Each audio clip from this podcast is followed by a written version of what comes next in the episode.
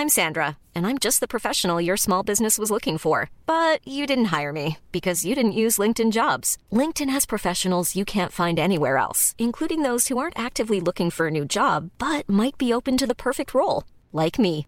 In a given month, over 70% of LinkedIn users don't visit other leading job sites. So if you're not looking on LinkedIn, you'll miss out on great candidates like Sandra. Start hiring professionals like a professional. Post your free job on linkedin.com/people today. Millions of people have lost weight with personalized plans from Noom, like Evan, who can't stand salads and still lost 50 pounds. Salads, generally, for most people, are the easy button, right? For me, that wasn't an option. I never really was a salad guy. That's just not who I am. But Noom worked for me. Get your personalized plan today at Noom.com. Real Noom user compensated to provide their story. In four weeks, the typical Noom user can expect to lose one to two pounds per week. Individual results may vary. Hey, Dave. Yeah, Randy. Since we founded Bombus, we've always said our socks, underwear, and t shirts are super soft. Any new ideas? Maybe sublimely soft. Or disgustingly cozy? Wait, what? I got it. Bombus. Absurdly comfortable essentials for yourself And for those facing homelessness. because one purchased equals one donated. Wow, did we just write an ad? Yes. Bombas. Big comfort for everyone. Go to bombas.com slash ACAST and use code ACAST for 20% off your first purchase.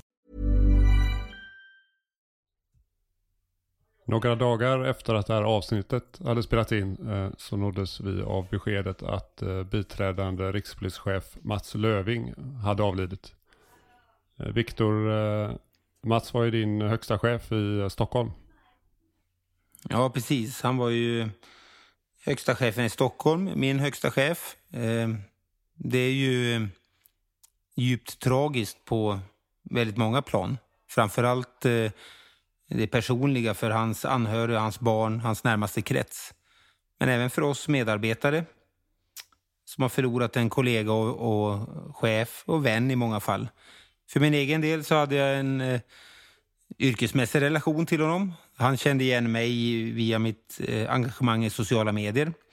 När man möttes på polishuset så brukade han heja och skämta och säga att eh, här kommer en polis med verklig makt till skillnad från mig. Och så skrattade vi lite åt det där. Men han var även ute på eh, eh, följde med under påskkravallerna, satt med polisen där i bilarna när stenarna haglade och varningsskotten sköts. Han eh, kom ut på andra demonstrationsplatser, skaffade sig en helhetsbild, pratade med de som jobbade. pratade med de som demonstrerade.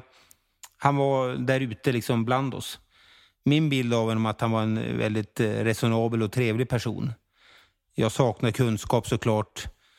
Eh, djupare kunskap om de här utredningarna som pågått, det som har påståtts om honom, slutsatserna, eh, vad som har hänt. Eh, jag nöjer mig med att säga att det är en stor förlust för Polismyndigheten att en kollega dör, att det ska sluta så här.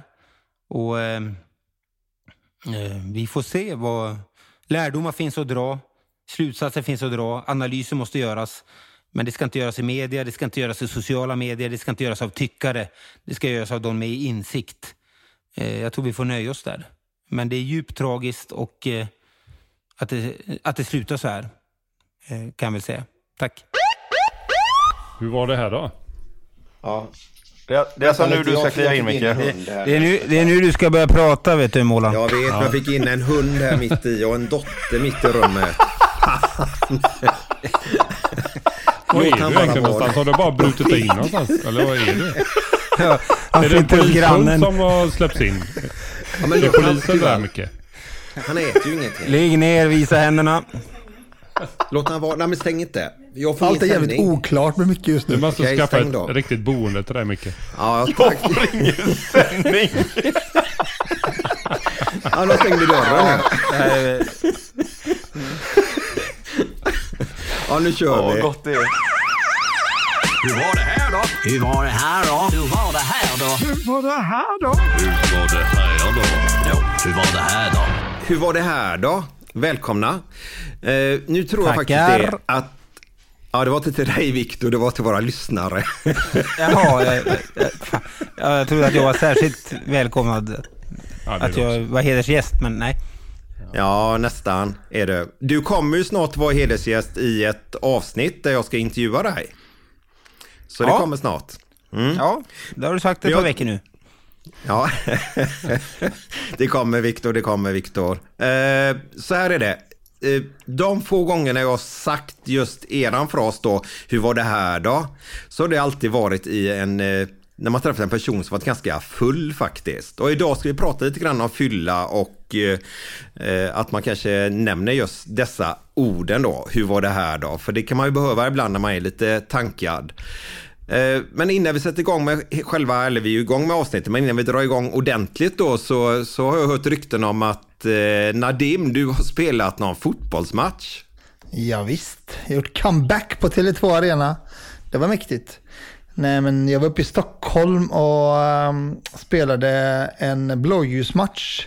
Eh, samhällsmatchen som Hammarby IF eh, arrangerade tillsammans med Stena Eh, och som är en, liksom, det är blåljuspersonal blandat tillsammans med eh, kids från olika delar av Stockholm i gemensamt fotbollslag. Man delar upp dem i fotbollslag, spelar sjumanna och så är det en slags goodwill-turnering. Ett otroligt eh, fint initiativ eh, som borde liksom göras på fler ställen. Det är väldigt, väldigt lärorikt och väldigt nyttigt att bygga förtroende och eh, skapa sådana relationer. Nu jobbar inte jag i Stockholm utan det var faktiskt en slump att jag var där i annat jobb och kunde ställa upp. Men det var några kollegor med från Globen och, och från de områdena, Fisksätra och allt vad det hette. Det var väldigt, väldigt bra. Och eh, roligt också är efter den matchen så var jag ute och käkade med en vän på en restaurang. En väldigt bra restaurang, den kan få lite gratisreklam faktiskt. Det heter Barbro i Stockholm. Då var jag där och käkade med en kompis och så kommer servitören smyga in bakom mig och så kommer han fram och säger, hur var det här då? Nej. och det sjuka var, jag, jag kopplade inte riktigt att det var det han menade, men sen så det tog liksom tio sekunder extra för mig. Jag bara, ah, fan vad roligt. Det var lite kul faktiskt. Så kan jag vara lite shoutout Men, här. Ja. men var det, måste vara B-laget man tagit ut va? Jag, har inte- jag har inte hört något. Nej men det var nog bara man var tvungen att ha någon slags bollkänsla tror jag. Det var det något lägsta kriteriet tror jag. Ja, vad jo- gjorde du då där? Ja, du skulle sett mig på planen Viktor. Du skulle sett mig. Vi kanske ska arrangera en egen sån fotbollsmatch. Ja. En Men poddmatch. fråg, frågan är Nadde hur, eh, hur det gick. Vi har liksom inte sett ett enda inlägg på sociala medier. Nej, var var, var du bänkad eller?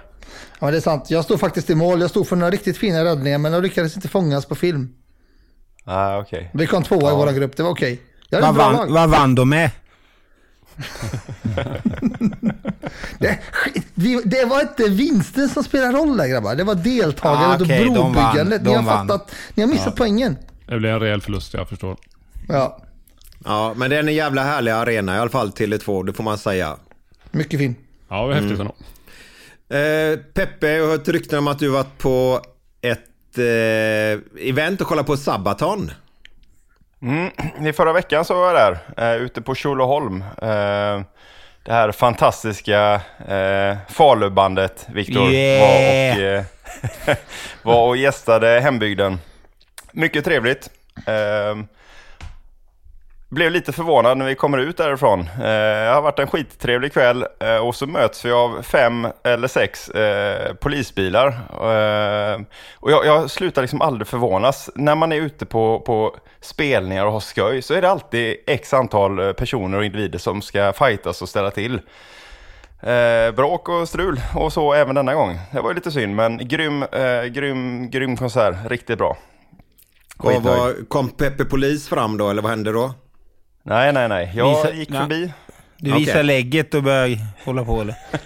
Börjar veva. Nej, de skötte sig, de, de skötte sig bra. Det hade lugnat ner sig, men eh, eh, jag jobbade natten därefter och det, det hade ju tydligen varit ett par stycken som hade varit rätt eh, agiterade. Eh, så ja, eh, istället för en trevlig utekväll så hamnar de i en fyllecell i Göteborg. Så kan det gå ibland. Oj. Oflyt. Eh, där ser man, det är ju spännande. Men Viktor, du har varit med om lite spännande, tror jag i alla fall. Men du kommer inte ihåg så mycket av det kanske. Men vi har ju en stor rättegång här i Göteborg just nu om en kokainsmuggling. Eh, det ramlade ju av lite kokain från en båt för eh, något år sedan här och de simmade ju runt, runt Styrsö ungefär. Är det något du har hört talas om eller? Ja, det var jag som, som grep. Nej, jag har inte hört ett enda ljud om det där förrän jag fick det skickat till mig på länk. att Titta vad roligt på Styrsö, din sommarö. Här har det tappats knark. Ingen har sagt ett ljud till mig på ön. Men det är väl för att det är man sånt är... man är tyst om, man förstår Ja. ju. För det är ju några kilon som saknas. Det är ju inget de gärna Ja. pratar med en eh, polis från Sen- Stockholm för kan man tänka sig. Nej, och sen ute på öarna där så vill de inte ha någon Stockholmsnut som lägger sig i saker och ting.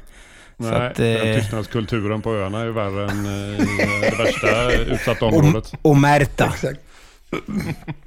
Ja, riktigt går ju alltid det där med olika öar här i Göteborg. Det är ju att, ja, ganska mycket inavel brukar man säga, men eh, det behöver vi inte prata högt om kanske. Nej, det går jag emot. Det är trevligt folk på öarna. Ja, jag bara skojar. Jag har varit där ute och spelat fotboll Ja. mycket. Ja, Men du ser, ingenting Styrsö då, BK, alltså. de piskar upp er va, rejält. Nej, det har de aldrig gjort. De är fan bedrövliga. Miskar rumpan på bara. Man ska helst spela mot dem på, på vardagarna när de är ute och fiskar, de flesta av dem. Är det på helgen så är det kött. Då är de stora pojkarna Mm. med. Men du Viktor, alltså ärligt talat, du har inte hört någonting om detta. Du är lite skum tycker Nej, jag då. inte inte, inte ett dugg. Trots att eh, det var bildsatt eh, reportaget med en bild från eh, viken precis nedanför mitt hus. Så att, eh, Ja. ja. Bra spanare med som har missat 10 Ja, kilo kokain jätteskumt. nere framför sin egen trädgård. Det kanske kan vara så att du en av, var en av de misstänkta, Viktor. Ah, du menar Mm. så. De har inte slagit till än. Exakt. Nej, Ja, men det- nätet det dras finns- åt. Ja, nätet, det var väl lite roligt faktiskt. Bra Viktor. Mm, nätet, är du med? Nej. Ja. eh, hur ser man att ett fiskenät är från Grekland?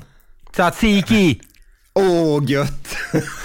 Bra Viktor! Ah, Men de tre som är där nerifrån sitter som fågelholkar och bara... "Huh?" Martin, eh, vi har ett rykte om att eh, era gängkriminella i, i Biskopsgården eller runt omkring i Göteborg är att de har bytt eh, maskering tydligen. Ja, det verkar så. Vi hade något eh, ärende här alldeles nyligen när gick ut ett larm om ett, jag tror det var ett rån. Och då blir det alltid man skapar en, som en talgrupp eller en kanal där. Och det var insatschef och det var massa patruller och insatschefen efterfrågade. Vi måste ha eh, signalement, signament. Första patrull på plats som pratar med målsägande. Eh, kom ut med signament så vi vet vad vi ska leta efter. Så var det en stressad kollega som uh, svarade där. "Ö, Gärningsmannen hade en uh, baklava för ansiktet.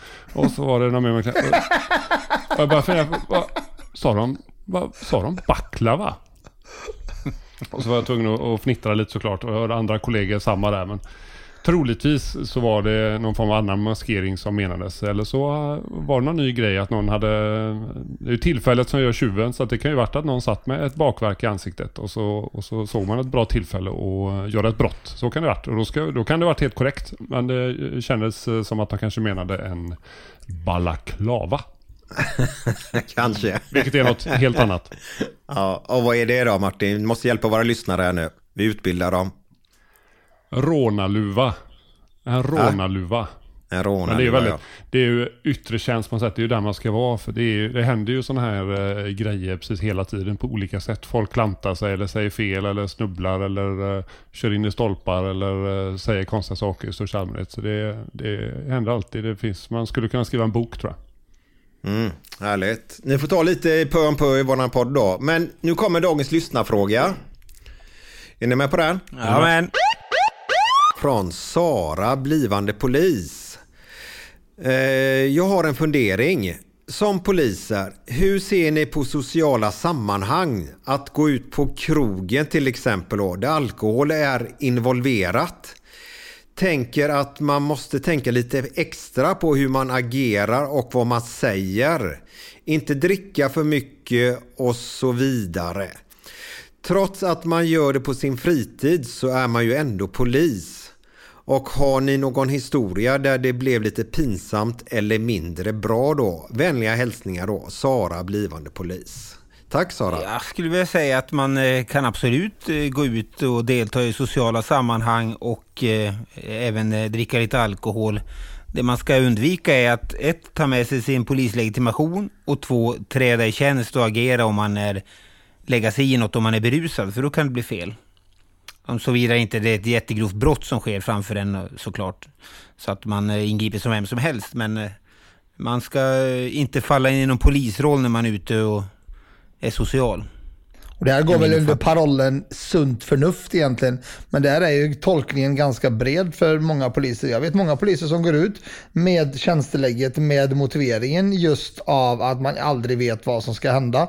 Men då är ju liksom tröskeln lägre till att man liksom använder det på... Jag skulle aldrig få för mig att göra det personligen men det här är en diskussion som har pågått egentligen ända sedan jag gick polisutbildningen 2004. Ja, det stämmer och dessutom så det är ju bara att titta på alla panärenden så är det just när folk har fiskat upp lägget i onyktert sammanhang och börjar vifta med man ska in på krogar eller eh, tala om för någon taxibass att han ska lära sig köra rätt, eh, köra som folk och så vidare. Så att eh, det är, ju- men har man inte med sig lägget då har man inget att dra fram tänker jag. Nej. Nej, det är ju alltid bättre känns det som. För det är omdömet när det försvinner lite grann där så kommer man ju se sig själv kanske risken att man eh, ska ingripa lite oftare än vad man hade kanske gjort annars där. Att den eh, ribban blir lite lägre och det är ju aldrig bra. Så att det, de som tar med lägget när man ska ut på krogen det är faktiskt lite dåligt omdöme och det säger jag för att jag själv gjorde det när jag var yngre i tjänst. Då hade jag nästan alltid på mig lägget. Jag såg det som någon slags plikt att alltid bära lägget Mm. i fickan. Eh, Men som tur var sedan många år så gör jag inte det. Men eh, det blir ju bara fel, precis som du säger. Det är ju parnärenden och det blir eh, tokigt. Och man riskerar också faktiskt när man är på krogen och det finns kriminella och så här. Det är ju inte alltid någon fördel att säga att man är polis direkt. Det kan ju också vara eh, att man Ja. blir mer måltavla och farligare. Jag kan flika in att jag fick ju lära mig the hard way.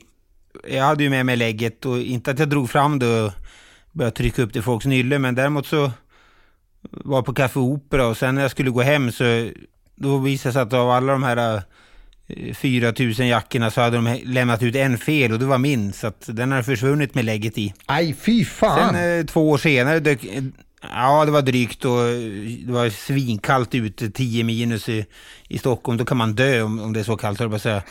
Och jag var irriterad och, och, och sen, ja, det dök ju inte upp. Men eh, sen dök det upp två år senare hemma hos någon buse som de hade gjort husis hos. Eh, som hade väl, eh, ja, eh, fått tag i det här. Ja, och han hade ju inte... Det var inte den typen som hade sprungit på Café Opera, det var inte den sorts bus, utan det där har ju liksom valsat runt på, på försäljningar säkert, med folk emellan och sådär. Men Mm. det dök upp i alla fall, men det var borta i två år. Det var pinsamt på den tiden, eller för några år sedan, då fanns det innan omorganisationen, då kunde man läsa tror jag, på vårt eh, interna nät där att, eh, om rikslarm som gick ut. Och då var det ibland när det var saknade polislegitimationer så då kunde hela, Precis. hela landets poliser se de som hade tappat bort sina leg- legitimationer så det blev lite extra pinsamt. Mm. Peppe, kommer du ihåg 2007 när jag hade pajat min hälsena och varit sjukskriven ett par månader? Eh, nej, om det var 2000, ja det var i alla fall 2000 någonting. Eh, och eh, min första kväll vi skulle gå ut, då var, gick ju du, jag och Johan ut i Borås. Eh, och så satt vi och käkade på Vinci, så gick jag ut och så rökte jag en cigarr. Och precis alltså 200 meter framför mig så blev det en sån otroligt sjukt grov misshandel. Och där stod jag med en trasig hälsena. Jag kunde inte springa in och hämta Johan och Peppe. Jag kunde inte springa ut och göra någonting. Jag bara stod där och tittade som ett fån. Men det var rätt intressant. för det- Dessutom, eh, Vad sa du? du hade ju en cigarr också. Ja, exakt. Där vill man ju inte heller liksom det spola. släpper man, nej, det släpper man ju inte bara hur som helst. Nej, men det var, jag fick kasta den när en kille fick bli sparkad i huvudet. Då fick jag göra någonting. Men hur som helst, det blev rätt intressant Okej att agera som ett är, som en vanlig, alltså en vanlig civilist. För där blev ju en grej och där blev jag ju ett vittne som jag fick sen gå och vittna som en, liksom, en helt vanlig person. Vilket var rätt intressant. Men det, det var ju en sån grej som man tänkte, undrar om vi hade gjort där, för vi var, vi var ute och kröka, ingen av oss hade med oss något lägg. Men det var en grov misshandel som hände framför oss. Det där är varit intressant att se, uppleva det och vara hel liksom. Och det här är också lite intressant för, för ofta när vi ingriper och man vill eh, avbryta saker och ting så skriker man ju alltid per automatik polis liksom för att få till en reaktion. Ja. Och här när man är ute utan bricka och, och, och, och så vidare så där får man verkligen tänka till och det, det kommer ju liksom som, det är ju ett ryggmärgsbeteende som man har eh, relativt ofta i alla fall när jag ingriper så att, så att man liksom verkligen markerar vilka det är som kommer. Eh, och här får man ju verkligen tänka till. Eh, det kan ju bli lite halvdumt eh, om man inte riktigt är, är på banan där.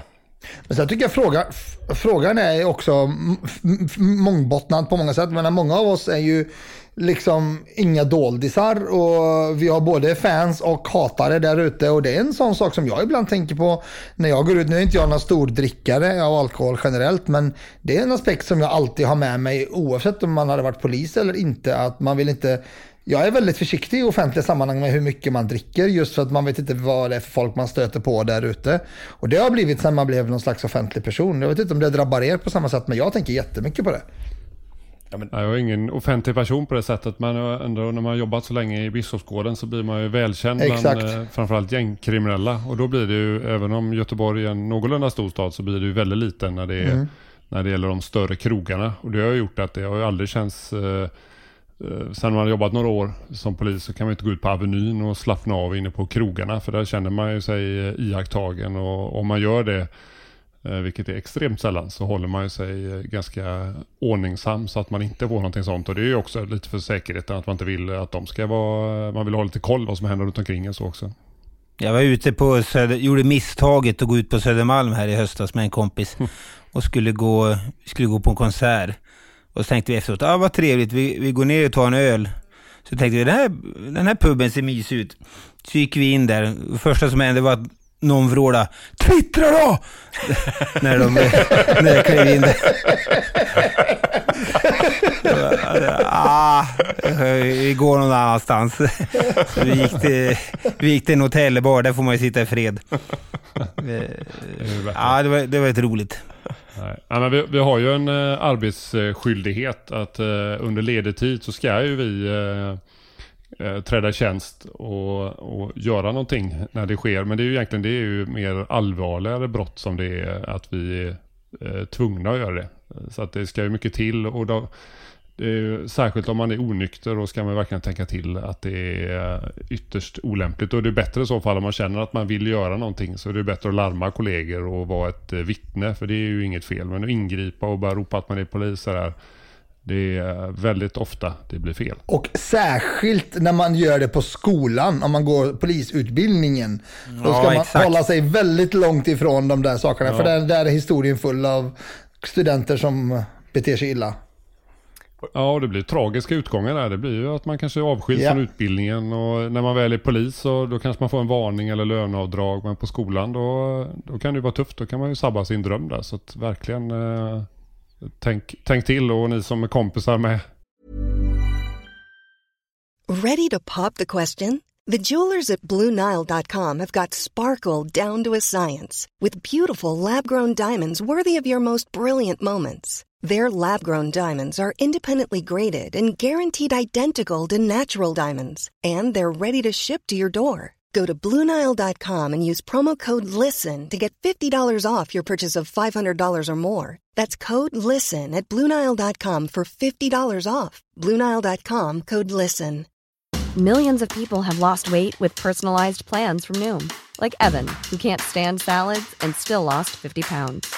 Salads, generally, for most people, are the easy button, right? For me, that wasn't an option.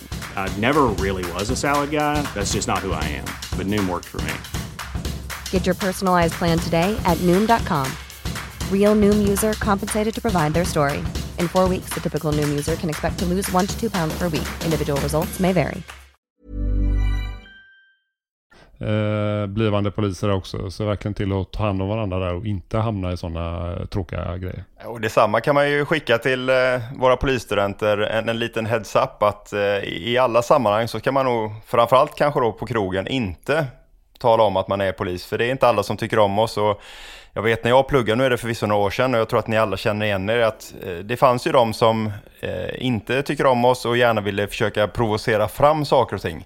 Och jag vet det var ju flera gånger som, som eh, vi då fick eh, ja, men lämna, inte, kanske inte lämna stället men åtminstone kanske lämna vissa delar av, av en eh, krog för att det höll på att liksom bli lite stimmigt. Inte för att vi höll på med någonting men just det här eh, man, man visste, eller de visste att vi var polisstudenter och försökte trigga igång oss. Eh, Och de fällorna, det ska vi liksom inte...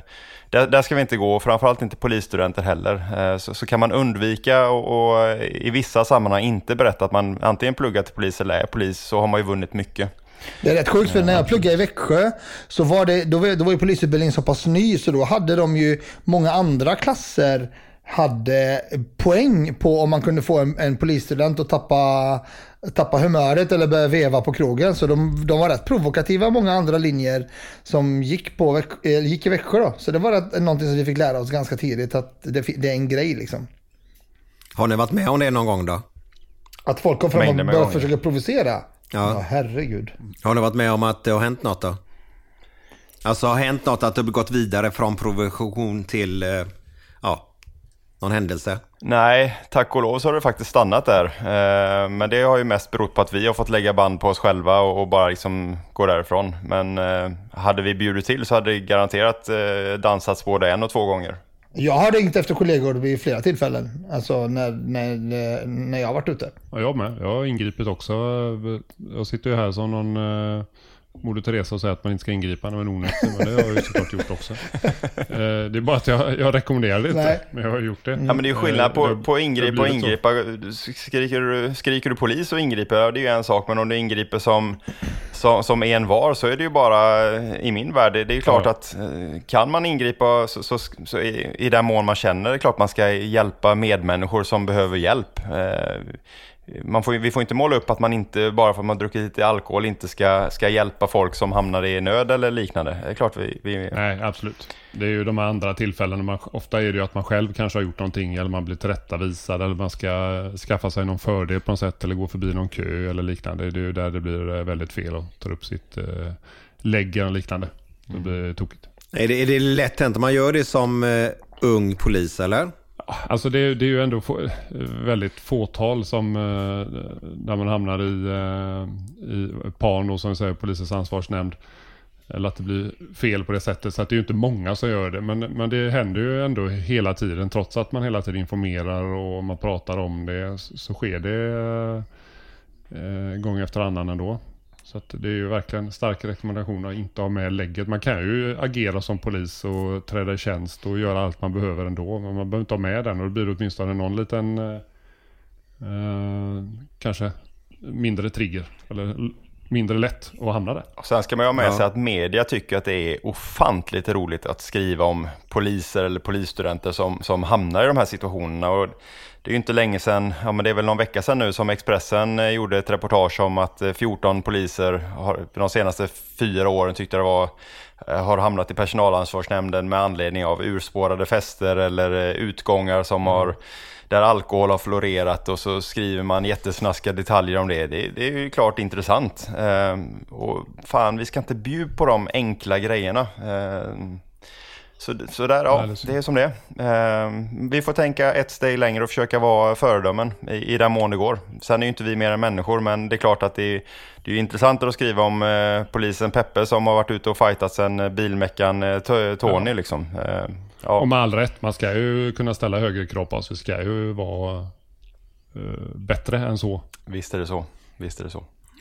Har det förändrats någonting om vi tar de senaste 20 åren? Alltså kult, kulturen inom er poliser och era fester, har det, känner ni att det blivit bättre eller?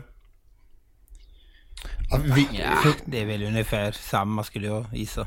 Kanske något bättre. Men får ni dricka på stationen? Får ni ha AV och liksom julfester och sånt på station längre? Ja, lättare former liksom med turlags eh, eller liknande. Vi har inga större, eh, som, liksom, stora, stora fester. Men turlagen lite after work innan man går vidare och så har vi. Och det är helt okej. Och även någon liksom, mindre festlighet har vi haft så. Men mindre grejer är helt okej. Jag är en av de som tycker att poliser ska ju... Vi ska festa inne på station för vi ska inte vara ute bland folk. Eh, för, ja men när vi, vi har partaj...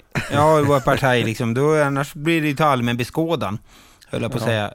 Ja, men det är lite ra- raljant såklart. Men, ja, men om man såg nu någonting att man, ett, man diskuterat ett alternativ skulle vara alkohol, totalt alkoholförbud på stationerna. Det, det är jag emot. För den stora merparten av alla människor klarar av att ta en, en öl i bastun eller en, ett mi- mingel eller vad det nu kan vara, en AV.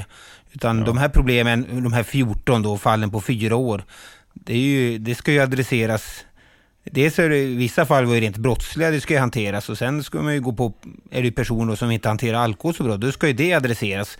Hjälp och stöd och vård och utredningar och allt det där. Det är det man ska gå till botten med, inte införa några, något förbud mot som liksom ska gälla alla polisstationer. Det enda man gör då är att flytta bort problemet någon annanstans. Man har inte löst någonting av, av, av problemet. Men har inte det här lite med att göra att vi blir så ängsliga så fort media Jo, har kommit vi blir över ängsliga och någonting? rädda. Ibland så, vi behöver inte alltid ha svar på saker och ting, utan vi kan ta saker och ting för vad de är.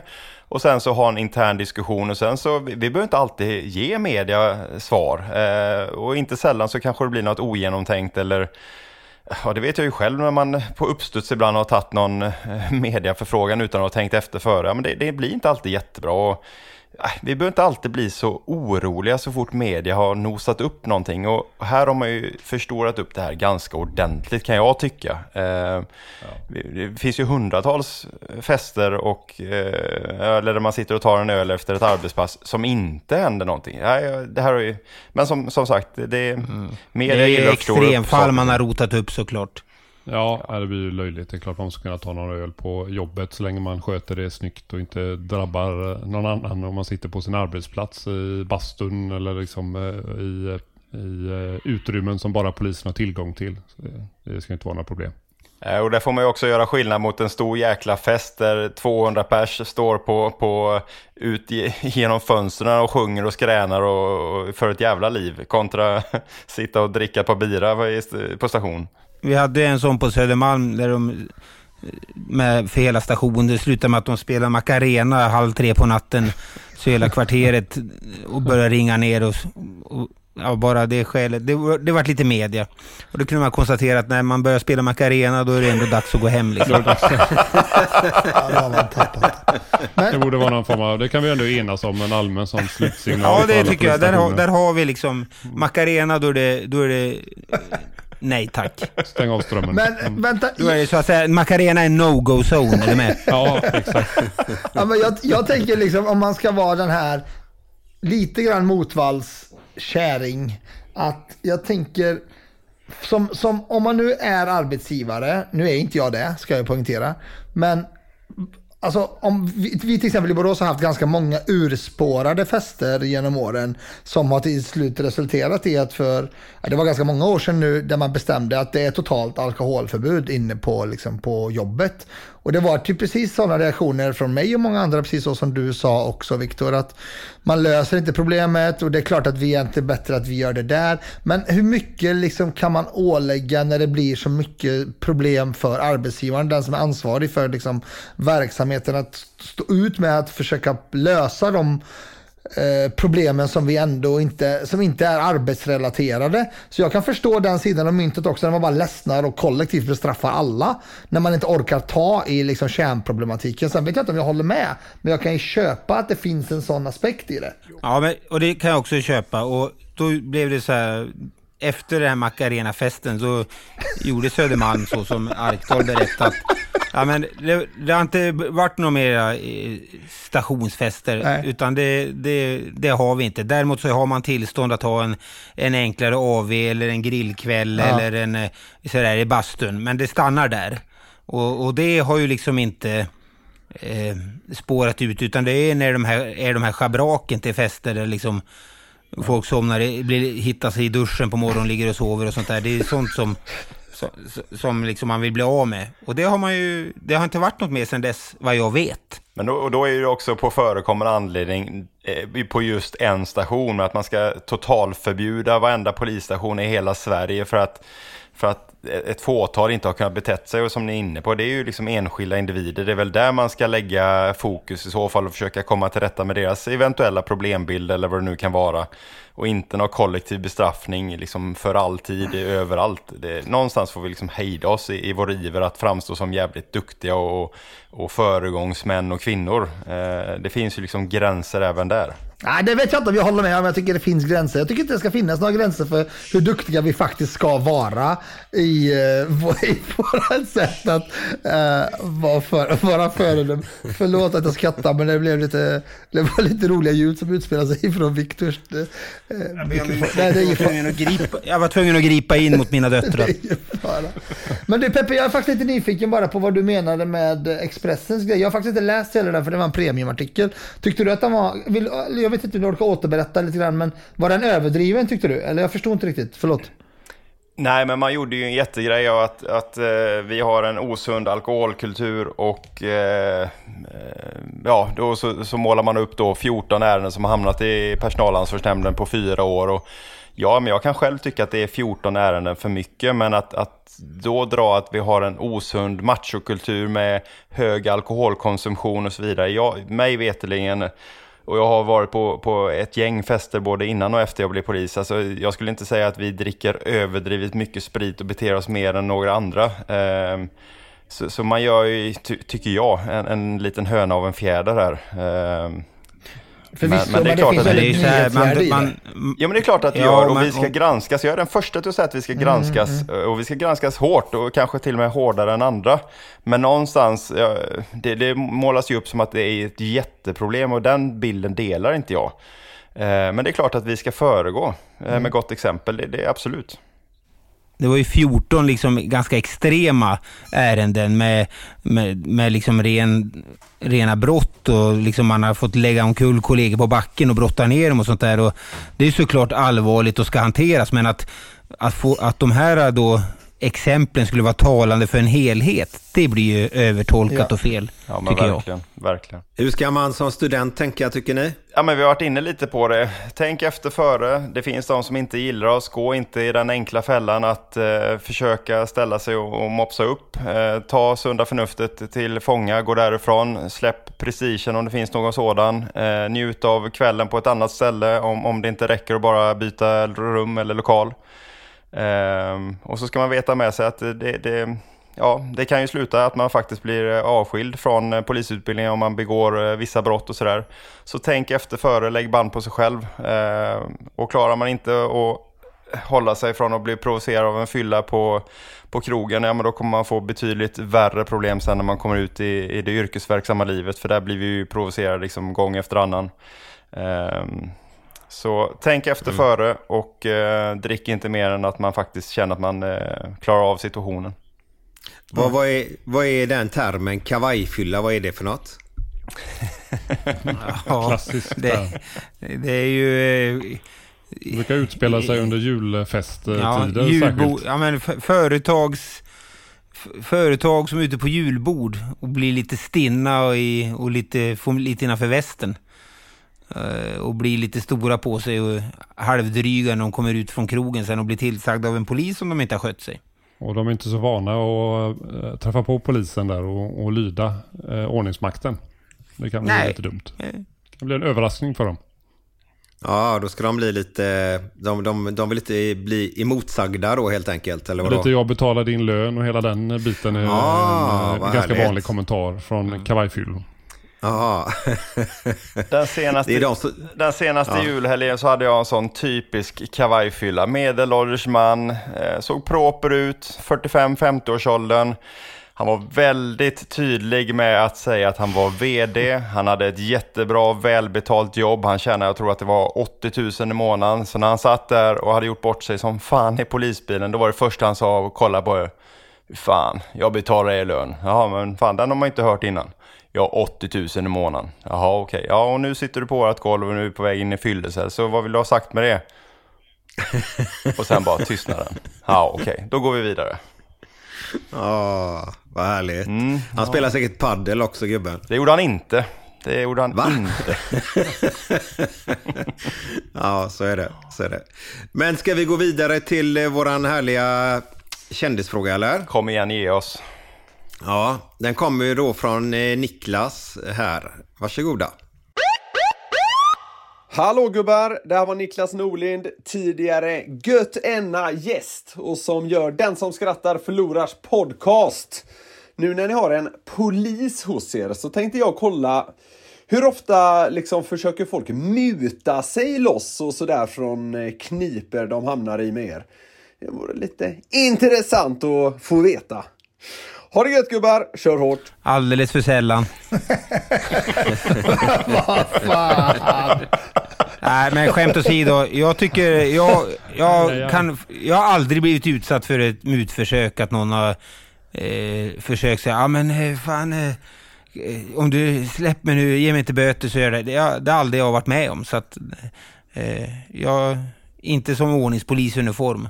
Det, det förekommer säkert på andra sätt eller under mer finurliga former, men, men, men jag har aldrig stött på det. Nej, inte jag Nej, heller. Inte jag heller. Aldrig. Det är ju bara att man försöker få ner böterna. Typ, jag orkar inte ge mig halva eh, bötesbeloppet eller sådär. Det är ju inte alls någon muta. Det är enda liksom mer prutning. Eh, brukar vanligare, men aldrig någon muta. Okej. Kan, kan, kan man säga så här då att om, man, om en polis stoppar en för man har något trafikbrott, säger vi. Eh, man kört för fort eller någonting. Och så är man väldigt trevlig mot er kontra man är väldigt otrevlig. Eh, kommer man billigare undan, alltså du får din bot, men kommer du billigare undan genom att vara trevlig än otrevlig? Förstår ni vad jag Ja, menar? det kan, ja, det kan jag säga så här direkt. Om, du, om jag stoppar dig för ett eh, trafikbrott och upplyser dig om det här. Eh, och I trafikbrott har ju polisman möjlighet att ge rapporteftergift om det behövs. Men, Och är det då att om du visar dig liksom så här, ja, eh, jag inser jag har gjort fel, eh, det var dumt, eh, jag ber om ursäkt och du förklarar det, eller säger så här, jag gjorde så här därför att, och det verkar bra och du verkar ha liksom förstått att jag gjorde fel, det var dumt, det hände nu, då kan jag tänka mig att ge rapporteftergift. Är du däremot dryg och och kaxig och liksom visar på att du har inte förstått ett dugg varför du ens är stoppad och håller på att dumma dig, ja då får du nog böter för då behöver du en ekonomisk påminnelse eh, så att du lär dig någonting. Det, det är min filosofi. Och jag, har- jag är helt enig för syftet med både rapporteftergiften och ordningsboten är ju att förändra beteendet eller man ska lära sig en läxa. Så kan man uppnå samma mål med de två olika så kan man absolut välja. Det är klart man alltid tjänar på att vara trevlig. Det gör egentligen alla människor, även vi tjänar på att vara trevliga så det finns ingen nackdel med det. Och det går ju dessutom, apropå det, går även tillbaks till vårt eget skrå för det finns en del kollegor som jag har jobbat med som liksom Ja, de ser någon som gör ett fel och så börjar de skälla ut den här personen efter noter liksom. På ett sätt som jag själv tycker bara, vad fan. Och så jag brukar säga så här, vet du vad? Vet du vad? Skriv böter. Eller säg till om det här gjorde fel, bara, bara, men du får inte böter. Men om du, bara, om du bara står och skäller på honom nu, då har du bara uppnått att ett, personen tycker vi är dumma i huvudet och två, han har inte lärt sig någonting av det här. Men sen tycker jag frågan om mutor är lite, den är intressant för jag tror inte det är så jättemånga svenska poliser som faktiskt har blivit erbjudna liksom, pengar eller ekonomisk ersättning för att släppa eller se åt höger eller vänster med ett brott. Men däremot så är frågan om muta mycket, mycket bredare. Eh, vad är en muta? Alltså, det är en jättebred diskussion. Får vi ta emot gratis dricka om en restaurang delar ut det till oss? Och även om han gör det till alla andra. Alltså, det, är en, det är ju, finns ju kollegor som har liksom råkat illa ut på sådana saker. Och det tror jag är mycket, mycket inte vanligare, Jo, det är vanligare är det, men jag vet inte hur utbrett eh, problemet är. Jag har faktiskt blivit erbjuden en muta en gång, kom jag på. Men det var när jag var ordningsvakt. Det var en person som ville att erbjöd tusen kronor om jag släppte in henne bakvägen på Strandhotell på midsommarafton 1997. Men som den blivande polis var jag sa nej, du får gå runt och köa. Nej. Ja, det var elakt, tycker jag. Jag ska ha tag i de där tusen spänn jag släppte in. Det var ingen som hade koll på den här nattklubben ändå. Så länge man gör brottet och ingen ser det, då är det okej alltså. Jag var stenhård bara, nej, gå runt. Ja, något exempel. Så, så här får det inte gå till, men jag kommer ihåg det var för några år sedan så, så såg vi någon som eh, gjorde något trafikbrott, något som retade upp oss rejält där. Jag tittade, det var eh, något trafikfarligt eller att de körde över någon heldragen linje och kollegan som var eh, riktigt som gillade att hantera trafikbrott och var noggrann där. Han var så sammanbiten. Han, han körde bilen, han stannade och så bara Åh, jag ska ge den här, den ska få så mycket böter, jag ska gå fram och så såg man han stegade fram med bestämda steg till förarplatsen. Sen så plötsligt ser jag, jag står kvar borta vid bilen och så ser man liksom helt, hela uttrycket eh, på kollegan bara ändras. Så han ser mycket mjukare ut och nästan står och nickar, lite glad, lite leende. Så kommer han tillbaka till bilen så frågar jag, var, eh, var, var det en tjej som körde eller? Ja, ja, ja, okej. Ja. Såg hon bra ut eller? Ja, ja, ja. ja. Så det blev en... Ros, eh, rosa lagboken. Jag vet en, eh, en, eh, när jag var ny polis, en, en man, han fick böter. Han hade gjort fel vad det nu var, om det var förbjuden vänstersväng eller vad det nu var. Och sen vi gick fram där och, och skulle ändå prata med han. Och så öppnade han, då, in- då inledde han med orden Tyst med det grabben, jag har inte tid med det här. han, fick, han fick en böter. Ja, bra. Välförtjänt. I början av min eh, poliskarriär, jag tror till och med jag kan ha varit aspirant eller första, första året, då hade, åkte vi på ett ärende där en familj ifrån, de måste varit från Mellanöstern någonstans, eh, hade fått inbrott och så hade vi med oss en, en åklagaraspirant eller assistent eller någon som pluggade så skulle bli åklagare. Och så gick vi in till den här familjen och så ställ, började de ställa fram, du vet så som Mellanösternkulturen är ju, man ställer fram liksom te och kaffe och frukt och massa goda grejer. Eh, och där satt jag, och jag vet hur den kulturen funkar, det är väldigt ofint att inte ta till eller smaka eller sådär. Så jag började, satt och började mumsa och, liksom, och hon bara satt och tittade på mig, det är jätteobekvämt. Och sen när vi väl var klara, tagit upp anmälan och gjort det, vi skulle åkt ut i bilen och så satte hon sig och så bara, var inte det där, eh, var inte det där brottsligt det du gjorde precis nu? Var inte det tagande av muta? Jag bara, det vet jag faktiskt inte om det räknas som det, men om jag inte hade gjort det så hade de absolut inte pratat med mig. För att, och så fick man förklara hur olika kulturer fungerar och det är sån här kulturkrock tror jag som många inte alltid förstår. När man inte har, har någon kunskap alls om den kulturen, att i vissa, vissa delar så är det direkt ofint att, in, att tacka nej och då kanske det stänger stänger eh, eh, möjligheten för ett vidare konversation. Oavsett om det handlar om någon som blivit misshandlad eller någon som har råkat ut för någonting, whatever it may be, så är det ändå en, en, en, en artighetsgest. Du behöver inte dricka kaffet, men ta emot det liksom. Sådär. Då var det det vi hade för idag. Vi är evigt tacksamma att ni lyssnar på oss och hoppas att ni fortsätter med det och skicka gärna era frågor till oss så tar vi upp det i kommande program. Tack ska du ha. Hej då! Ha det gött! Ha det bra. Hej då! Tack för idag. Hey. Let's be careful out Ja, hur var det här då?